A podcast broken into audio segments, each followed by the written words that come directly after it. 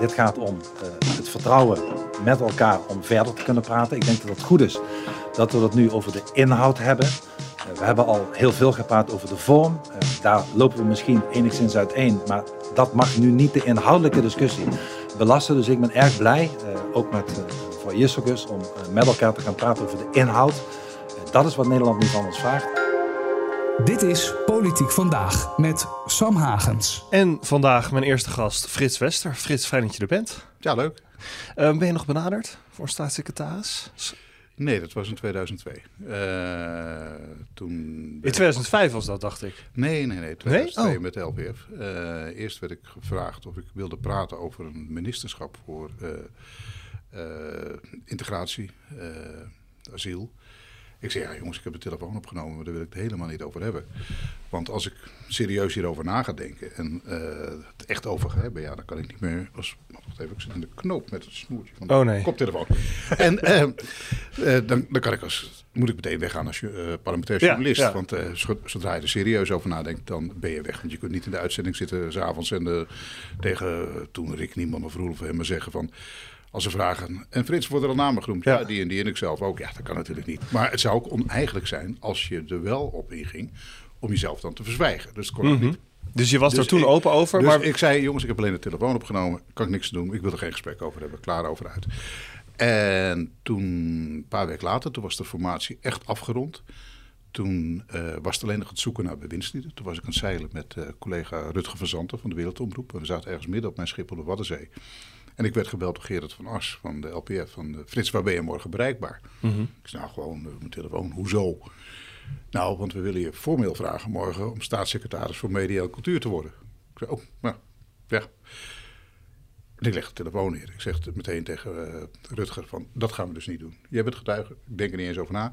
We wachten het telefoontje af. Toen heb ik meteen mijn hoofdredacteur, toen Harm Kaaslaag, gebeld. Harm, als het gaat zingen, ja. het antwoord is nee. nee. Ik ben het niet van plan. En, Geert Wilders heeft jou dus onlangs ook niet gevraagd? Nee. Want dat, wat mediazaken, dat is natuurlijk iets wat jou wel ligt. Ja, kan die NPO, kan je zo, uh, dan kan je NPO 3 zo afschaffen. Daar heb jij wel verstand van? Uh, ja, ik denk dat ze dat bij RTL heel leuk zouden vinden. Dan mag ik daarna met een hele mooie garantie waarschijnlijk terugkomen.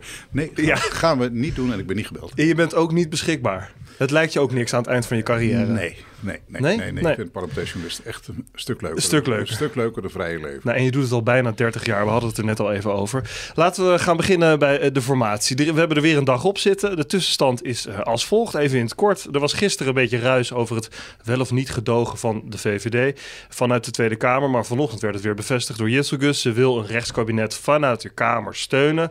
Wilders, die is uh, deze ochtend wat geprikkelder naar uh, journalisten. Uh, daar horen we straks nog. Maar hij is wel gestopt met tweeten en heeft het nog steeds uh, over de inhoud op dit moment. Omtzigt liet natuurlijk gisteren op uh, per ongeluk, zoals hij zegt, zijn no notities zien. Wil niet in een kabinet met PVV en BBB, maar gaat morgen wel praten met Wilders en Jisselgus. En de vierde, Caroline van der Plas, die wil vooral met alle vier aan tafel. Um, om maar eventjes nog te beginnen met, die, met omzicht en die notities van gisteren. Geloof jij dat, hij, dat dit uh, geen opzet was? Nee. Nou, ik vind het te lollig. Uh, een beetje Pieter, Pieter Omzicht zijn humor kennen. Kennende, uh, natuurlijk zegt hij nu van ja, het was niet expres, maar het was zo netjes, net, net leesbaar dat, het een beetje, dat je nieuwsgierig moest worden en in moest zoomen. En ik vond het best een aardige grap. Een beetje een ja? knipoog naar natuurlijk nou. uh, omzicht functie elders. De reacties online waren niet mals. Hij werd helemaal afgemaakt ja, op Twitter. hoe kun je dat doen? Maar goed, dan is, dan is hij verkeerd uitgepakt, die grap. Dat gebeurd was met de grap. Ja. Ik denk dat hij... Ik heb er geen enkel bewijs voor hoor. Nee. Geen enkel. Maar ik denk dat hij. hoe komt het anders precies zo uit? Ik bedoel. Ja, ik vroeg me ook af. Je hebt, een notitie, je hebt een notitieboekje bij je. Waarom moet je dan die twee punten, waarvan je eigenlijk zelf al weet, de ondergrens en dat kabinet, daar wil ik niet in zitten. Die, dat heb je natuurlijk al helemaal voor ogen. waarom zou je dit opschrijven? Ja. Dat weet je zelf toch? Je gaat een gesprek in en je weet dat je zoals Pieter dat uh, dan formuleert. Je wilt niet in zo'n kabinet, uh, vooralsnog, je wilt meer dingen duidelijk hebben. Dat hoef je toch niet op te schrijven. Ik bedoel, dan is er ook wat mis met je. En hij heeft er vaker ook uh, grapjes over gemaakt. Het staat in het verkiezingsprogramma, bij de ledendag onlangs. Maakt, dus hij maakt er wel vaker grapjes over. Maar wel goed om te zeggen, we hebben er inderdaad geen enkel bewijs voor. En hij zegt, nee. dit was niet de bedoeling. Nou, dat lezen we wel, we wel in zijn memoires. Ja. Durf jij te voorspellen wat voor kabinet er gaat komen op dit moment? Nee, dat vind ik veel te vroeg. kijk, Getalsmatig uh, politiek, als je kijkt naar de verkiezingsuitslag, wijst alles, maar dat heeft iedereen gezien, naar een rechtskabinet. Uh, Geert Wilders, daar kun je niet omheen. 25% van Nederland heeft PVV gestemd nu. Betekent ook 75% niet. Uh, mensen die wel iets, wellicht iets anders willen. Mm -hmm. Maar goed, die 75% kan ook niet meteen die 25 uh, negeren. Dus je moet die gesprekken wel aangaan. Uh, dat verdient die partijen ook, dat verdienen die kiezers ook. En dan kijken waar het kan Kijk, een minderheidskabinet is natuurlijk heel goed mogelijk. Had eigenlijk de vorige keer al gemoeten, denk ik. Maar een minderheidskabinet kan eigenlijk alleen als je dat vanuit het centrum doet en met links en rechts samen kunt onderhandelen, zaken kunt doen en mensen, andere partijen ook iets gunt. Alleen een minderheidskabinet van PVV en BBB, ja, dat is kansloos. Ja. Dan moet je zo zeker zijn van uh, gedoogsteun van grote partijen, bijvoorbeeld de VVD, bijvoorbeeld NSC. En dat lijkt me echt een hele ingewikkelde, omdat de NSC ook helemaal geen Eerste Kamerzetels heeft. Uh, want toen bestond die partij nog niet. Dus ik denk uiteindelijk, uh, kijk, Pieter Omzicht zit natuurlijk uh, aan de ene kant in een hele comfortabele positie. Want welk kabinet er ook komt, over links of over rechts, hij is eigenlijk nodig. Mm -hmm. Tegelijkertijd zijn kiezers willen wel met de PVV en zee. En zijn eigen lijst, uh, dat is verdeeld erover. Hij wil ja. het eigenlijk niet. Er zijn Kamerleden bij hem op zijn lijst die dat echt niet zien zitten. Maar er zijn ook Kamerleden op zijn lijst die dat wel zien zitten. En dat is natuurlijk het probleem altijd bij een nieuwe politieke beweging zoals die van Pieter Omzicht komen mensen uit allerlei verschillende hoeken en politieke richtingen. Mensen die tot twee maanden geleden, drie maanden geleden lid waren van D66, van de VVD, van de Friese Nationale Partij. Uh, veel ex-CDA'ers die ook verdeeld waren destijds over deelname van de PVV. Dus ook hier... Partner. Dat is voor hem lastig. Verschillende en, opvattingen ook hierover. En misschien dat hij nog een keer uh, bij gaat draaien de komende week in gesprek. Als Geert Wilders heel duidelijk kan maken waar, welke punten hij nou, zoals hij dat noemt, in de ijskast gaat Ja. zetten. Ja, en dan de VVD. Jessicus heeft gezegd, ja, alleen gedogen. En haar achterban, haar kiezers denken er heel anders over. Uh, Dat kan uiteindelijk ook nog draaien in deze Dat zou kunnen het draaien, hoeft niet te betekenen dat- dat, ze het helemaal uitsluit. Dat zou voor haar wel een heel groot gezichtsverlies zijn. Als ze nu nog gaat draaien, maar voor die partij zou het denk ik wel verstandig zijn om dat Hoe, hoe is jouw contact met Geert Wilders? Is hij altijd even aardig tegen jou? Ja. Altijd? Ik ken Geert al eh, bijna 40 jaar. Dit gebeurde er vanochtend met jouw collega Floor Bremer. Het gaat er tenslotte om, behalve de inhoud, die natuurlijk leidend is, dat je ook vertrouwen in elkaar eh, moet eh, hebben. Ehm, en dat op deze manier ehm, kan dat alleen maar groeien. Dus ik ben daar heel erg positief over. Vindt u dat u bijgedragen hebt aan het eh, scheppen van dat vertrouwen? Ik draag altijd bij aan het eh, scheppen van Ook met uw vertrouwen. tweets? Ik draag altijd bij aan het scheppen van vertrouwen. Maar dat is toch Ja, raar zijn er als nog u een andere anders... vragen? Oké, toch dank u wel. Fijne dag nog. Meneer Wilders. Meneer Wilders. Ja, dat was kort af. Je hoort hem aan het einde nog iets zeggen. We, we weten niet precies wat hij zegt, maar iets met zuur in ieder geval. Hij vindt Floor zuur. Wat vind je hiervan? Ja, eh, iedereen kiest zijn eigen woorden. Eh, Geert ook. Maar zo doen tegen journalisten, want ik begreep dat hij ook al wel eerder eh, wel onaardig is geweest. Hij heeft gezegd van waarom kijkt u altijd zo onaardig? Hij heeft journalist natuurlijk Tuig van de Richel genoemd, een paar jaar geleden. Ja. Wat vind je daarvan?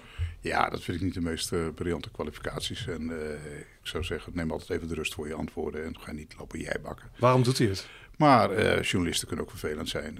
Maar goed, ik ga geen oordeel geven over mijn collega Floor. En verder ook niet over Geert Wilders. Het was, het was een hele terechte vraag, toch? Ja, wat, doet het, wat doet het met het vertrouwen? Ja, dat is een hele terechte vraag. En nou, blijkbaar had Geert er geen zin in. Ja. Ik heb zelf nooit problemen gehad met Geert Wilders. Ja, we kennen elkaar natuurlijk ook al uit de tijd dat we heel lang geleden hij eh, jong medewerker bij de VVD-fractie was en eh, ik bij de CDA Tweede Kamerfractie eh, voorlichter was. Dus ik heb die ervaring met Geert nog nooit gehad. Nee. Ik hoorde net bij een van de coalitiepartijen... de oesterfase is aangebroken. En dat betekent dat we dus eigenlijk vrij weinig te horen krijgen... achter de schermen van wat er nu gaat gebeuren. Je merkt natuurlijk ook voor de camera's... eh, hebben ze het steeds over de inhoud. Ik hoorde Ronald Plasterk net ook... die gaat niks over de inhoud zeggen... behalve dan dat het constructieve gesprekken zijn... en dat partijen op dit moment aangeven... wat zij belangrijke onderwerpen vinden... maar het onderhandelen is dan niet begonnen. Klopt het dat ehm, zo'n verkenningsfase... dat er dan ook echt een oesterfase aanbreekt? Nou ja, als je wilt onderhandelen, dan eh, snap ik heel goed dat je dan niet altijd in het openbaar kan doen. En dat alles wat je in de openbaarheid zegt niet altijd kan helpen voor het, eh, kan helpen voor het proces. Dus dat je even stilte in acht neemt, begrijp ik heel goed. Maar ja, oesterfase. eh, we zijn even gesloten. Ik heb het eerder meegemaakt. 2010, de radio stilte werd er afgekondigd.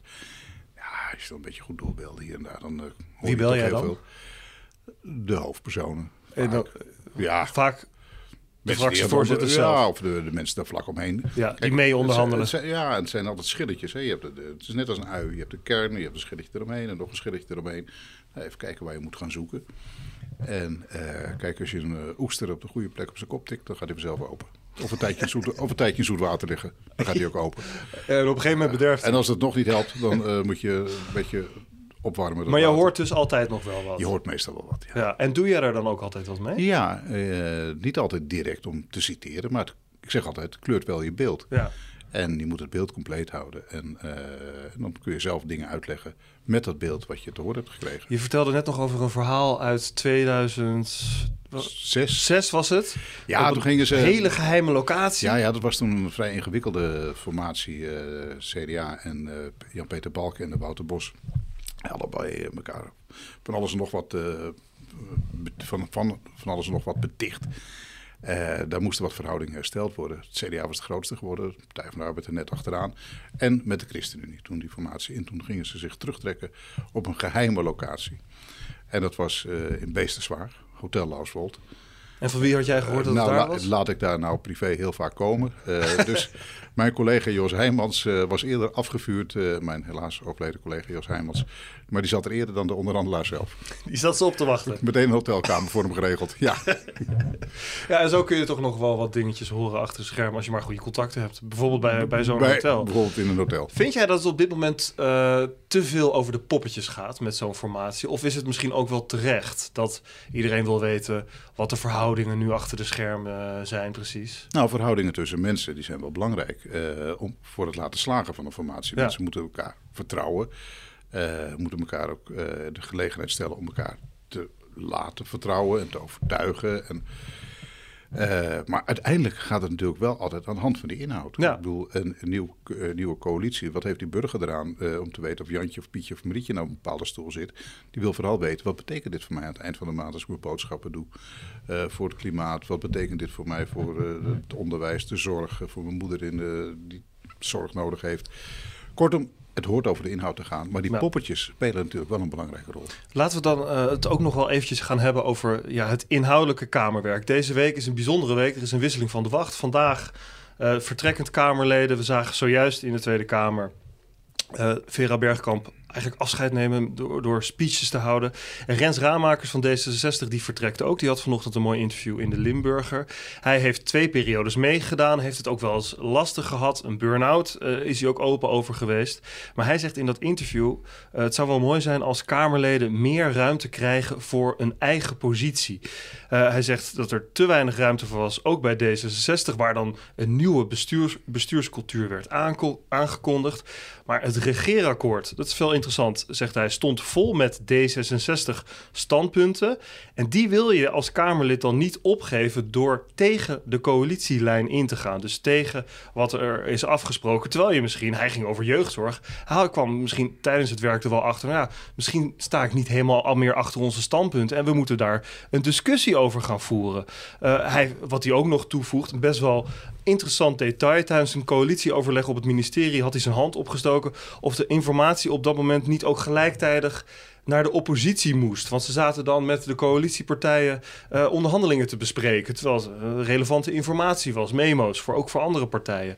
Vind vind je het ook opvallend dat hij op de dag dat hij vertrekt hier een punt van maakt? Nou ja, dan, eh, ja, je geeft nog een soort eh, afscheidsinterview. Hè? Ja. En dan kijk je nog eens terug van, eh, heb ik het zelf allemaal handig gedaan? Ja, hij is best nee? kritisch eigenlijk ook op nou, zijn eigen partij. gekund, ja. Kijk, een regeerakkoord. we zijn een coalitielandje. En dan moet je afspraken met elkaar maken. Of je moet echt naar een minderheidskabinet... wat echt op onderdelen gaat dealen, wielen met oppositiepartijen. Maar als je afs- afspraken maakt in een regeerakkoord... ja, het is een beetje het... Ruud Lubbers eh, heeft het volgens mij ooit gezegd. Een regeer- een regeerakkoord is gestold wantrouwen. Je moet wantrouwen gieten in iets waar je een houvast aan hebt met z'n allen. En of je daar wat tussendoor kunt eh, marcheren als individueel Kamerlid, hangt ook heel erg af van je eigen positie binnen je eigen fractie, binnen je eigen partij. Kun je mensen meekrijgen in eh, bepaalde processen? Het lukte hem dus niet. Hij is, Nee, zegt al van ja, er zou wat meer ruimte voor moeten komen. ja, Sluit eigenlijk ook aan op wat Pieter Omzicht zegt. Hè? Hoe de Tweede Kamer te werk moet gaan. ja, maar eh, ik zou het ook heel gezond vinden als Kamerleden wat meer op afstand kwamen van de afspraken die in het kabinet gemaakt zijn. Maar je moet op grote dossiers, wil je kunnen overleven, het ook voor elkaar kunnen krijgen, moet je wel afspraken ook kunnen maken. Eh, je, je speelt wel in een team. Je kunt niet altijd alleen maar lopen te pingelen. Ja, duidelijk. Dat is onze pumper. Dat betekent dat we nog even gaan kijken wat er de komende dag gaat gebeuren. Ehm, we hebben zojuist gezien dat de Oude Kamer eigenlijk afscheid heeft genomen. Dat betekent morgen Ja, een soort massa-aanslag vanmiddag. massa-aanslag. Ma- Hoeveel waren het er? Eh, nee, 80. 80. En morgen komt dan die nieuwe. Dat is dan eigenlijk weer een hele feestelijke dag. Kijk je daar naar uit? Al die ja, nieuwe ik vind, ik Kamerleden? vind dat wel leuk. Eh, nieuwe Kamerleden allemaal. Eh, je moet natuurlijk weer heel veel mensen leren kennen. Want ja, heel veel telefoonnummers uitwisselen. Eh, ja, zeker. Eh nou, tegenwoordig hele makkelijke lijstjes voor. En, eh, maar, ehm, ja, eh, maar dan nemen nu ook een aantal mensen afscheid. En dan zit ik te kijken en ik, was jij Kamerlid? Dat is me niet opgevallen. Eh, ik had het ook net. hoor. Bij wie, bij wie had je dat net? Ja, nou ja, ik noem maar even geen naam, want die ben ik dan ook weer vergeten. Ja. Maar die kwam je was tegen de gang. denk je, nou, werk je op de Griffie, op de On- postkamer? echt of, eh, onzichtbaar gebleven. die Maar zijn een beetje onzichtbaar gebleven nog. En eh, ja, die hebben ook nog misschien niet de kans gehad om zichzelf te bewijzen. En, Ja. eh, kortom, eh, er komt weer een hele nieuwe lichting. En ja, die moeten we allemaal leren kennen. En de- ik vind het in die zin wel zorgelijk dat eh, de afgelopen jaren, ik geloof de, de, vorige keer gingen er 68 Kamerleden ongeveer vertrokken, eh, daarvoor in de 70. Het collectieve geheugen holt natuurlijk achteruit. Veel minder Voordat je dit vak in de Ja. vingers hebt, en dat moet je doen met steun van oudere collega's die wat langer meelopen. Van je eigen partij, maar soms ook van andere partijen, als de verhoudingen goed zijn. Ja, dat duurt een tijdje voordat je de procedures goed kent. Ja. En, eh, echt dat duurt een hele Kamerperiode. Eigenlijk wel. En eh, dat merkte je ook wel de afgelopen tijd in debatten. Dat er ongelooflijk veel blunders en fouten werden gemaakt. En mensen het woord staatsrecht nog niet eens konden spellen, bij wijze van spreken. Ja. Dus eh, dat vind ik wel zorgelijk. De verkenning gaat morgen ook verder. Ronald Plasterk heeft in de ochtend een gesprek met Pieter Omtzigt en Dylan Jezelgus. En in de middag dan met Geert Wilders. En ook weer Pieter Omtzigt. Frits, dankjewel. Dat wordt interessant morgenmiddag. Morgen wordt heel Ja, interessant. Die, die tweede wordt het leukste. Geert Wilders en Pieter Omtzigt, daar kijken we naar uit. Eh, daar gaan we het dan ook uitgebreid weer over hebben. Eh, fijn dat je er was, Frits. Heel leuk om weer eens een keer met je te zitten. Ehm, bedankt daarvoor. Eh, Volg je Expeditie Robinson nog een beetje? Mis je het eiland al als je de formatie volgt? Eh, nou ja, dat is een beetje hetzelfde spelletje. hè. Er vallen hier en daar wat mensen af. en verder leef je elkaar streken en eh gooi je eens een keer een mes in de rug. van je iemand. ging daar wel weg met ruzie, hè? Nee? kom je daarbij? Nou, ze waren, je, je was niet Nee, helemaal, zo- je, je zat niet helemaal op één lijn met de jonge generatie. Nee, de TikTok-generatie, dat had ik misschien niet moeten zeggen, omdat ik iets aardigs zei tegen een wat ouder iemand die wegging. En die gesprekken waren toch van andere inhoud dan met die jongeren. Ja. En zei ik van ja, dat ging over meer een TikTok en Instagram. Had je misschien dat, niet dat, moeten zeggen. Dat was een metafoor. En toen dacht ik al, ach, had ik misschien niet moeten maar je zeggen. kijkt het nog steeds. Ik kijk je volgt het nog steeds. En ik zeg er verder niks over, want ik weet hoe het afgelopen Oh, heel goed. Oké, dankjewel Frits. En morgen is er weer een aflevering van Politiek Vandaag. Dan zit ik hier met Peter K. van Galit en Sophie. Tot morgen.